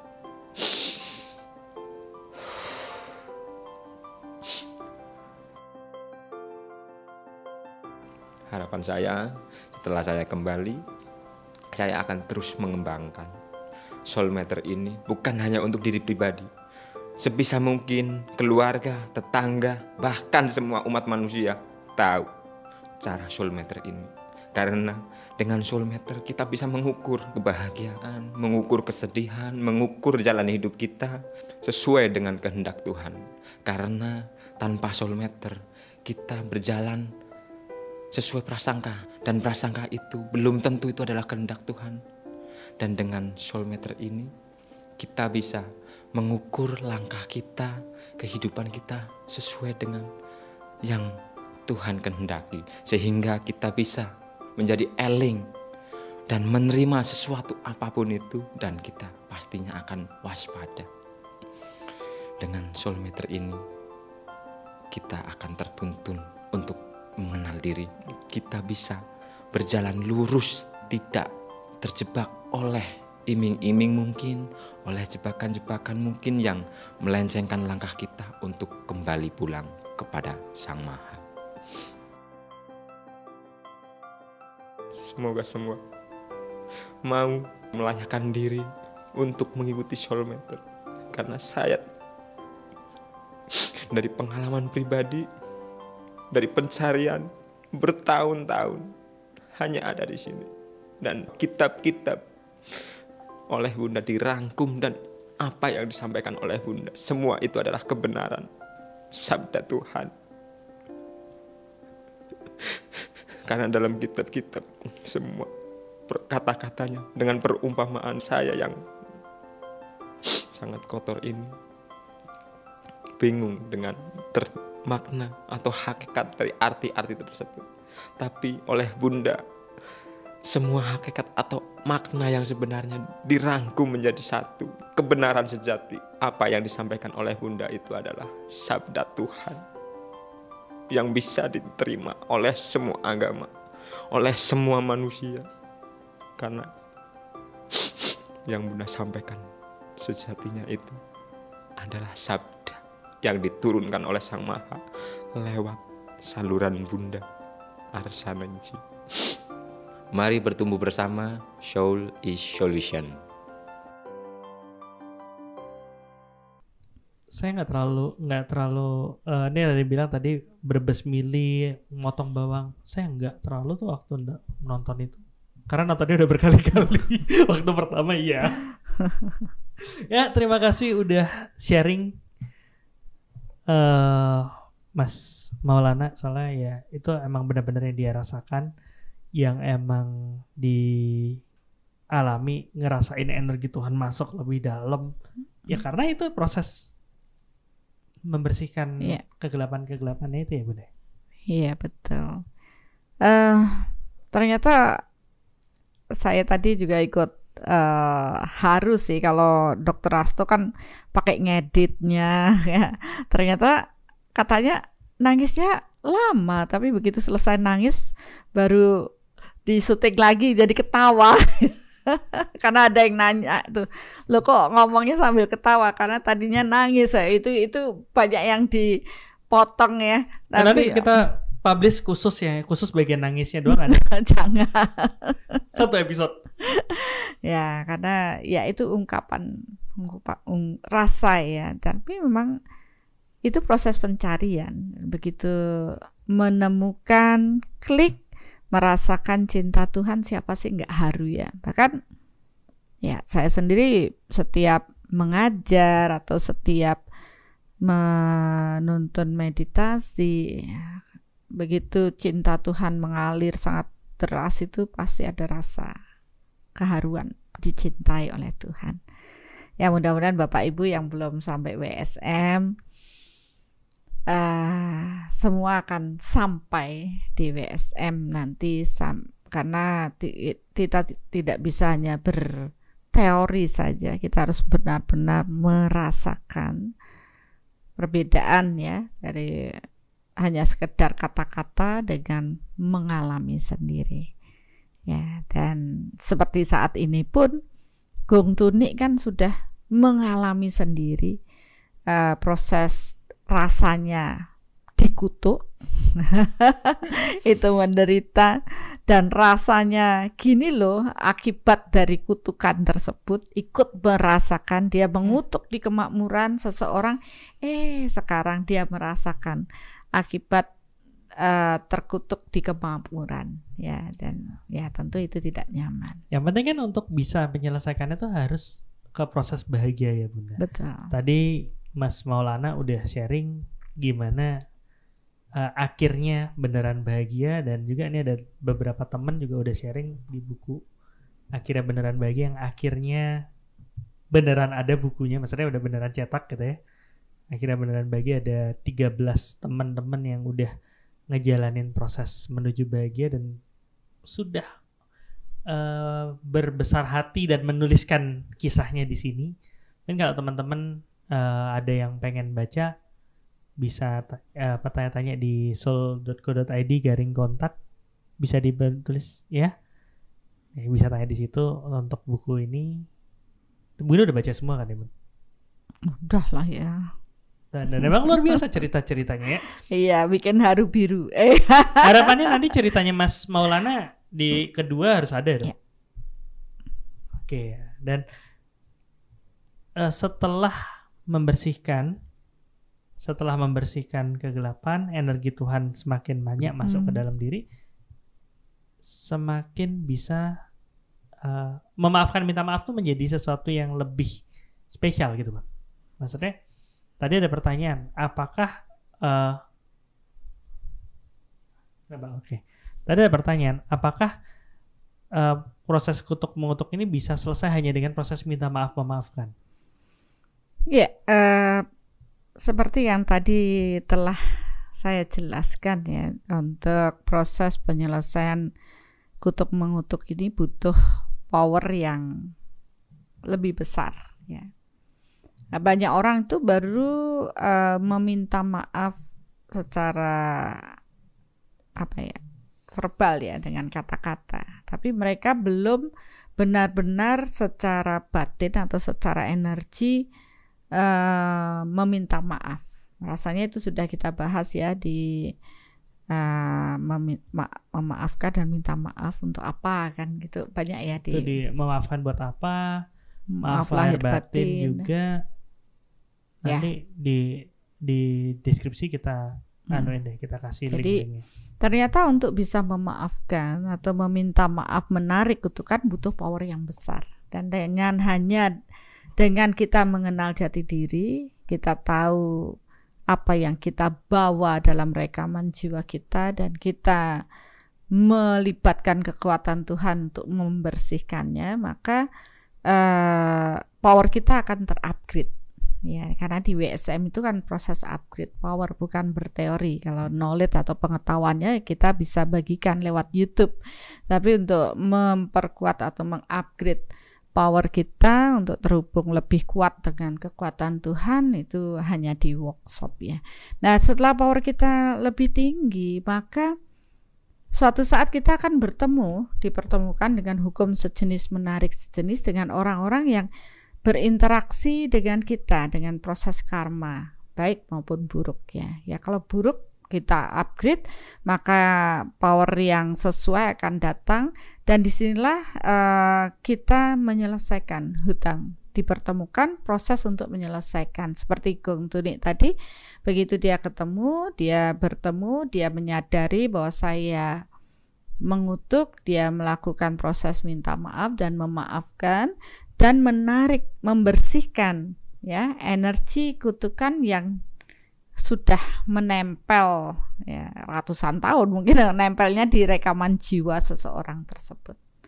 Dan begitu energi kutukan ini ditarik, ya entah itu kesehatan, hubungan, kemakmuran, maka akan terjadi perubahan pada kualitas hidup seseorang tersebut. Karena sudah tidak ada lagi faktor-faktor yang menghambat di uh, apa uh, bagian yang dikutuk. Nah untuk itu kan saya juga ingin um, mengetahui ya kalau dari pengalaman saya ketika ya kalau ini kan berbeda karena saya membantu banyak orang yang punya power uh, and masalah dengan kutukan dan butuh power yang besar baru saya membantu proses ini. Ternyata banyak sekali perubahan ya perubahan di uh, proses perjalanan kehidupan mereka. Nah, saya ingin tanya, apakah de, ketika Gung Tunik menyadari proses ini, kemudian Gung Tunik menyelesaikan dengan proses minta maaf, memaafkan, menarik kutukan, kira-kira di lingkungan Gung Tunik apa yang terjadi? Ya, apalagi kan uh, apa namanya kalau biasanya beberapa teman gitu, hmm. oh ngerasain bahwa oh ya ternyata saya mengutuk si A. Hmm diselesain. Habis itu kan nggak mungkin nggak ketemu lagi gitu ya. Hmm. kayak tadi kan diceritain mengutuk apa tukang tanaman. tanaman segala macam. Tapi kan Gongtun ini spesial karena selain uh, apa banyak kasusnya tapi ada juga kasus-kasus yang masih sering bisa dilihat gitu. Bisa diamatin oh ada perubahan apa nih setelah saya uh, melepaskan proses mm-hmm. kutukan itu gitu. Nah itu mungkin perlu sharing nih biar kita bisa tahu benar-benar oh seperti itu toh. Mungkin kasusnya apa, ya. gimana uh, taunya dan habis nyelesain apa perubahannya. Oke, okay. terima kasih Bunda Dokter mm-hmm. Asto. Uh, kalau sama benar kata dokter Asto, kalau sama orang lain, uh, mungkin setelah saya menyelesaikan karena nggak bertemu lagi, saya nggak tahu dia berubah apa tidak tapi karena ini kasusnya khusus yang saya kutuk keluarga, anak, suami, uh, jadi banyak eh, perubahan-perubahan yang terjadi. Kalau dibilang instan, enggak gitu loh.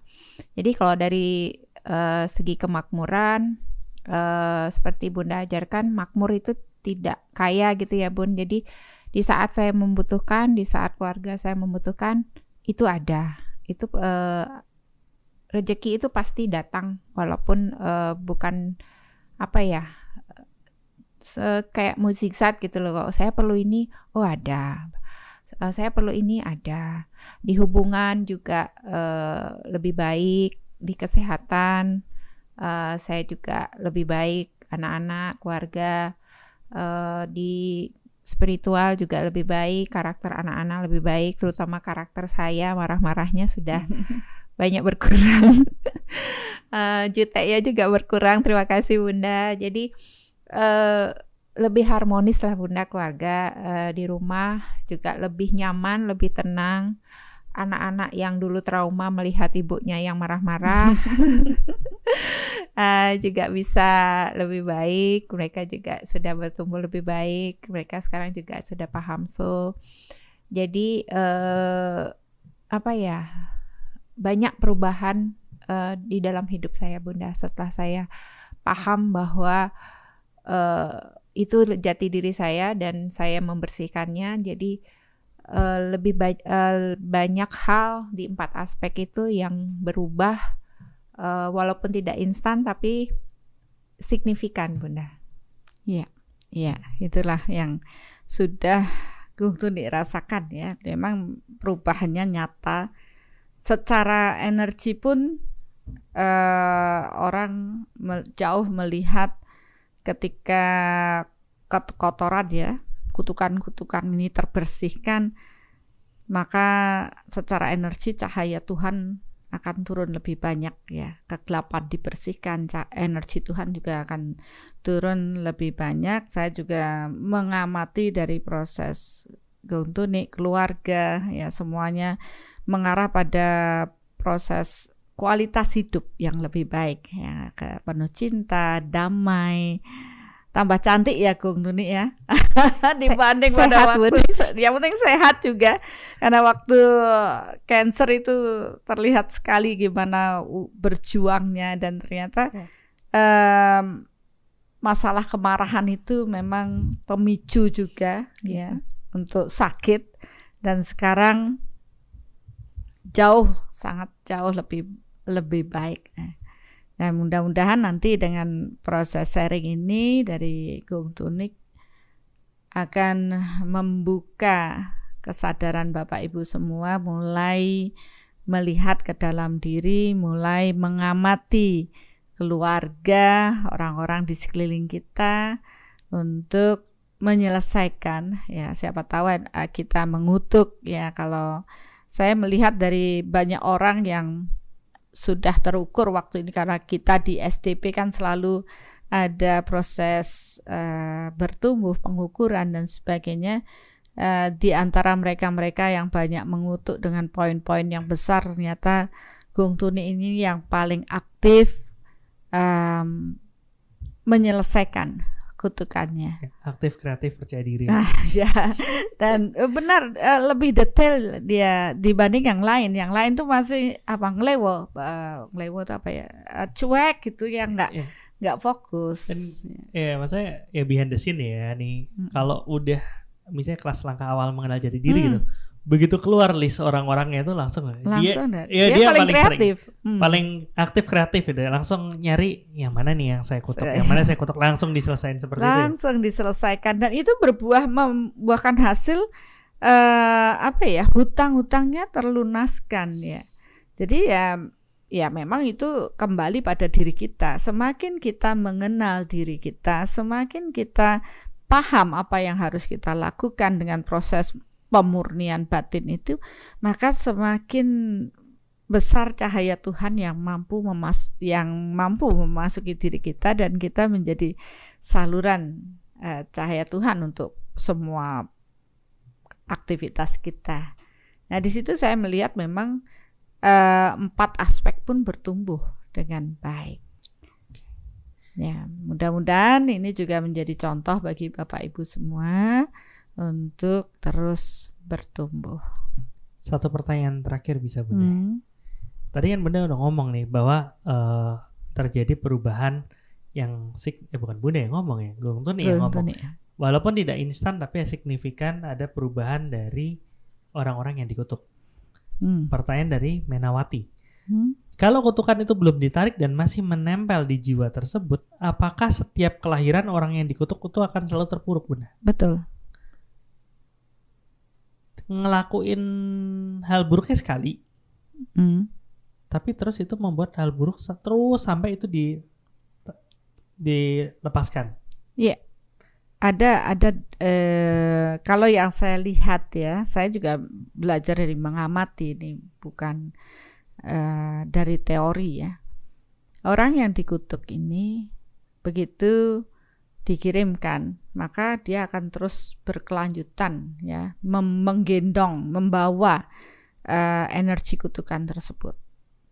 Dan itu akan terpetakan kembali ya karena hukum kesejenisan pada setiap kelahirannya dia akan dipertemukan lagi dengan orang-orang yang terkutuk lagi ya. Jadi eh, itu yang memetakan hukum sejenis menarik sejenis dan memang eh, sesuai dengan proses dirinya apabila kutukan ini akan bisa terbebaskan satu dia bertemu dengan yang ngutuk seperti yang dilakukan Gong Tuni dia paham, dia mengutuk, dia minta maaf, dia menarik kutukannya, membersihkan. Jadi Tapi kalau- itu tergantung pada power gong tunik juga. kalau ketemu tapi habis itu nggak yang ketep yang ngutuk itu tidak melakukan itu Ya tetap, Tetap. ya, tetap terekam. Tetapi ingat kan semua prosesnya bertumbuh nih. Ya seperti tadi, gong tunik kalau masih seperti dulu tidak terupgrade secara energi dengan kekuatan Tuhan, biarpun dia bertemu dengan yang dikutuk, dan dia dia, tahu tidak mampu ya dan tidak mampu dan dia tidak mampu menarik kutukannya karena powernya masih lowbat. Nah akhirnya apa? Di kehidupan yang akan datang ketemu lagi ketemu lagi. Penderitaan tetap diterima. Ya menderita terus. Kemudian eh, kutukan ini ya hukumnya adalah ketika ada power energi yang lebih besar yang eh, mampu yaitu energi Tuhan yang mengalir lebih besar maka level energi dikutukan. Misalnya misalkan nih kita ambil level energi kutukannya 0 sampai 10 ya kan? Di frame framingnya kan 0 pakai 10 power energi kutukan. Saat ini saya di level energi 2 ya. Maka saya akan mampu membersihkan rekaman-rekaman energi kutukan di rekaman jiwa saya di level 1. Kita nyelesain sendiri, membersihkan. Walaupun kita tidak bertemu dengan orang yang mengutuk kita. Kenapa? Karena kita sudah bertemu, eh bertumbuh gitu. Kalau kita naik kelas lagi, power kita di level 3 Ya, kita punya rekaman nih. Oh, saya ternyata punya rekaman yang di level 2. Maka dengan power kekuatan Tuhan yang mengalir di level 2 ini bisa terbersihkan. Ini loh fungsinya kita upgrade. tapi kalau dia di level 3 eh, kutukannya level 3 masih belum bisa Belum bisa. Jadi dia harus Lebih tinggi. minimal satu level lebih tinggi daripada energi yang kotor tersebut. jadi eh, tadi cara satu adalah ketemu sama yang ngutuk Hmm, dan yang ngutuk sudah bertumbuh yang ngutuk mau mau. melepaskan kutukannya. Yang Terus kedua adalah orang yang dikutuk ini bertumbuh. bertumbuh sehingga dia mencapai satu level tertentu di mana dia bisa menyelesaikan kutukan-kutukan yang ditujukan eh, kepada pada dirinya pada level-level di bawah levelnya dia sekarang. Ya. Tapi kalau ada level yang di, di atasnya dia belum bisa. Belum bisa. Masih dia bawah. Nah, Ada- ada, ada yang kesempatan yang ketiga. Ketika dia bertemu orang yang mumpuni, entah itu guru, entah itu orang yang mempunyai power yang lebih besar dari dirinya untuk membantu proses membersihkan kutukan tersebut. Itu yang nomor tiga. Yang nomor tiga. Jadi eh, men- apa ya bertemu dengan orang yang memiliki power lebih Mm-mm. mau dan mampu Bisa. boleh bisa Ya, aman, untuk melepaskan kutukan itu. Iya. Oke. Ini kita tadi di awal kita bilang kalau itu akan dibahas episode depan nih, tapi udah kebahas sekarang. ya sudahlah. Ya sudahlah. Kali memang harus seperti itu. Kita mengalir aja Dokter Asto. Mungkin saking keponya sudah banyak yang pengen tahu gimana caranya. Akhirnya ya ini pun. Jadi kalau tadi Bunda bilang kayak gitu, Mm. eh yang nomor tiga nih, yang yang ketemu sama orang yang bisa ini kan sesuatu yang di luar di luar apa ya? Ya untung-untungan lah, maksudnya tergantung karmanya dia, tergantung Hmm. hokinya dia Mm-mm. ketemu apa enggak. Mm. Udah gitu ketemu orangnya itu pas bisa apa enggak segala macam. Ya. Tapi ada dua poin nih, antara dia ketemu sama orang yang untuk dia atau dianya sendiri bertumbuh. Ya. Tapi dua-duanya harus bertumbuh ini kan? Iya. Nah, cara bertumbuh tuh gimana sih? Ya bertumbuhnya ikuti langkah awal mengenal jati diri. Kenalin ya, dulu mulai jati kenal dirinya. diri kita, kemudian melepas kegelapan dalam diri, jangan salah melibatkan kekuatan Tuhan ya. Karena satu poin penting yang harus Bapak Ibu sadari. Kenapa sih manusia harus melibatkan kekuatan Tuhan? Karena segala proses energi di alam ini itu sifatnya kekal. Energi tidak bisa dihancurkan. Tapi hanya energi Tuhanlah yang mampu mentransformasi atau mengubah. Ya, jadi tetap kita butuh kekuatan Tuhan untuk mengubah kondisi-kondisi seperti tadi kutukannya supaya bersih itu butuh kekuatan Tuhan. Kalau tidak, biasanya orang hanya memindahkan sakitnya pindahin ke kambing, sakitnya ditarik di telur, sakitnya pindahin ke kristal itu baru memindahkan. Tapi habis itu balik lagi nggak sih? Nanti balik lagi. Udah kambingnya sakit, Ya, itu Setelah akan sekian lama membentuk rantai karma yang lebih panjang lagi. akhirnya karma sama kambing dong. Iya. Iya tetaplah nanti juga akan ditagih sama kambingnya. Tapi kalau kita melibatkan kekuatan Tuhan itu selesai. Karena ener- hanya energi Tuhan yang mampu mentransformasi atau mengubah semua kondisi-kondisi di alam ini. Ya karena itulah eh, ya saya beri pesan, ayo bertumbuh, ayo mengarah pada kekuatan Tuhan, jangan menduakan Tuhan. Oke. Ya, itu kunci utamanya ya. Tapi sepertinya untuk hari ini udah keja udah anu ya. Udah 10 poin belum sih?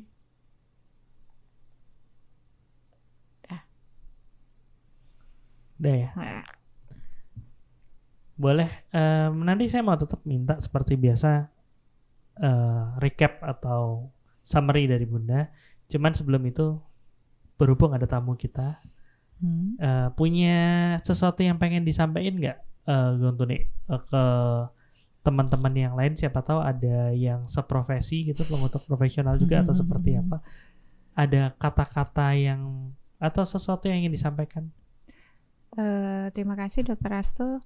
Mungkin eh, kepa- eh, sama teman-teman atau eh, yang sedang menyaksikan podcast Bunda, ayo mengenali jati diri eh, lebih dalam.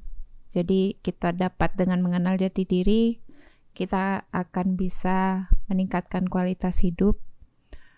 Karena eh, di sini kita apa ya? masalah dari kehidupan permasalahan-permasalahan dalam kehidupan kita sebenarnya kita yang dulu menabur, kita dulu yang berbuat. Jadi eh, dengan kita bertumbuh, dengan kita meningkatkan power, eh, kita akan dapat menyelesaikan satu persatu apa yang jadi permasalahan kita dengan berkesadaran. Jadi untuk teman-teman yang sudah paham siapa jadi dirinya, ayo semangat kita selesaikan sama-sama kita bertumbuh bersama menjadi lebih baik. Terima kasih. Terima kasih udah sharing loh karena nggak gampang nggak sharingin Hal buruk di hal dalam buruk diri. sendiri ya. Aib katanya. Ada yang bilang apa ya kemarin eh, ngebuka aib atau aib, ya. pengaku dosa ya. Hmm. Ya tapi dengan proses itu banyak yang bisa belajar gitu. Iya. Nah sekarang nih kalau dari bunda kira-kira apa bun? Hmm. Ada recap atau eh, penutup lah. Iya. eh, pada dasarnya proses kutuk mengutuk didasari oleh proses kemarahan, dendam, kesumat dan sebagainya yang tanpa kita sadari kita lontarkan atau kita tujukan pada orang-orang tertentu dan membuat mereka menderita. Dan proses penderitaan yang mereka alami tidak hanya saat eh, pada saat energi tersebut dilontarkan, tapi akan terus membelenggu eh, kondisi jiwa orang tersebut hingga bahkan dibawa pada kelahiran-kelahiran berikutnya. Itu hutang kita. Jadi dengan karakter buruk tentu seseorang akan cenderung membentuk karma buruk lebih banyak. Dan oleh karena itulah proses berinkarnasi kembali sebenarnya adalah tujuan untuk memperbaiki karakter di dalam diri kita, proses pendewasaan jiwa. Oleh karena itu, mari kita sadari eh, proses kelahiran kita saat ini sebagai suatu cara kita untuk menyelesaikan uh, karma buruk ya yang kita bawa. Dan tentu kita akan diberi kesempatan oleh pemetaan alam atau semesta ini untuk bertemu dengan mereka-mereka yang dulu terlibat dengan diri kita. Ada rasa yang muncul, ada rasa sebel, marah, atau rasa yang tidak nyaman, nyesek katanya. Dan tentunya pasti ada sebab ya, kenapa kita sampai merasakan hal tersebut amati dalam hidup kita dan sadari oh iya pasti ada hal buruk yang sudah saya tanam pada diri mereka dan untuk bisa menyelesaikan lakukan proses minta maaf dan memaafkan. Ya tentunya dengan melibatkan kekuatan Tuhan.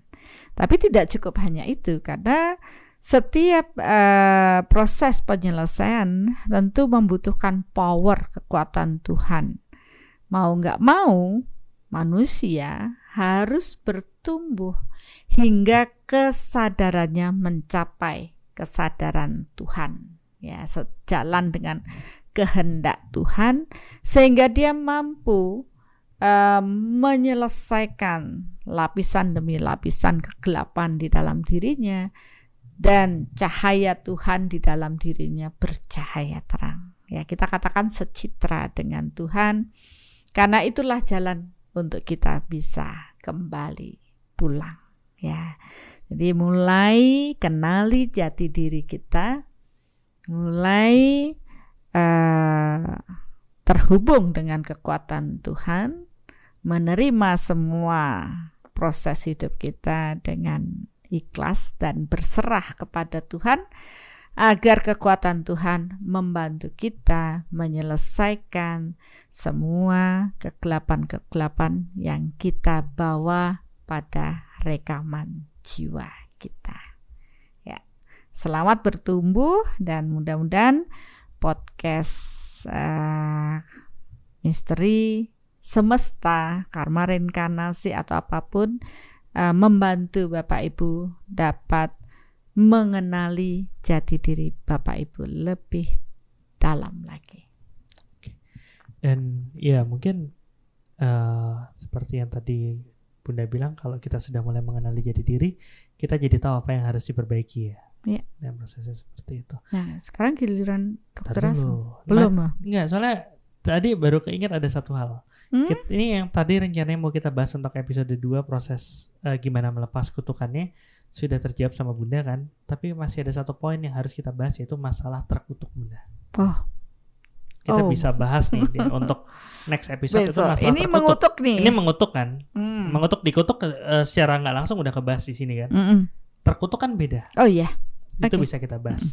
Terus tadi ada juga yang nanyain tentang kalau bisa kontak kita lewat mana itu ada uh, kita udah bikin link yang gampang untuk diingat sama bisa di situ ada soul.co.id garis miring kontak kontaknya kontak bahasa Indonesia ya K O N T A K nanti di situ bisa ada pilih apa link untuk uh, ke WhatsApp atau Telegram jadi bisa langsung hubungin ke sana dan uh, seperti Bunda bilang uh, mudah-mudahan podcast ini bisa membantu kalau memang merasa terbantu jangan lupa like comment subscribe dan mungkin bagi yang emang mau mensupport lebih dalam lagi donasi ke Yayasan Cahaya Cinta Kasih.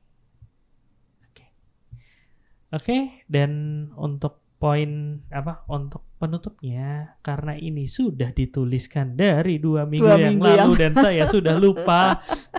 Saya perlu bantuannya. Bentar, contekannya ketutup mas. Nah bikin palu aja. Oke. Bentar ya.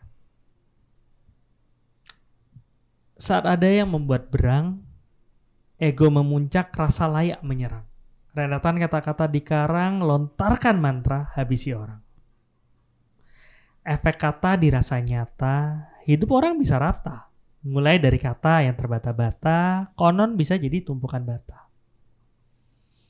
Mungkin sekarang masih bisa tertawa tanpa dirasa banyak dosa dibawa. Lintas babak badan bernyawa, menyatu bak kimia bersenyawa. Gak mudah untuk kembali utuh, harus bertumbuh atau dibantu sembuh. Jadi lebih baik berjalan dalam rambu agar tak terima derita bersambung. Mari bertumbuh bersama.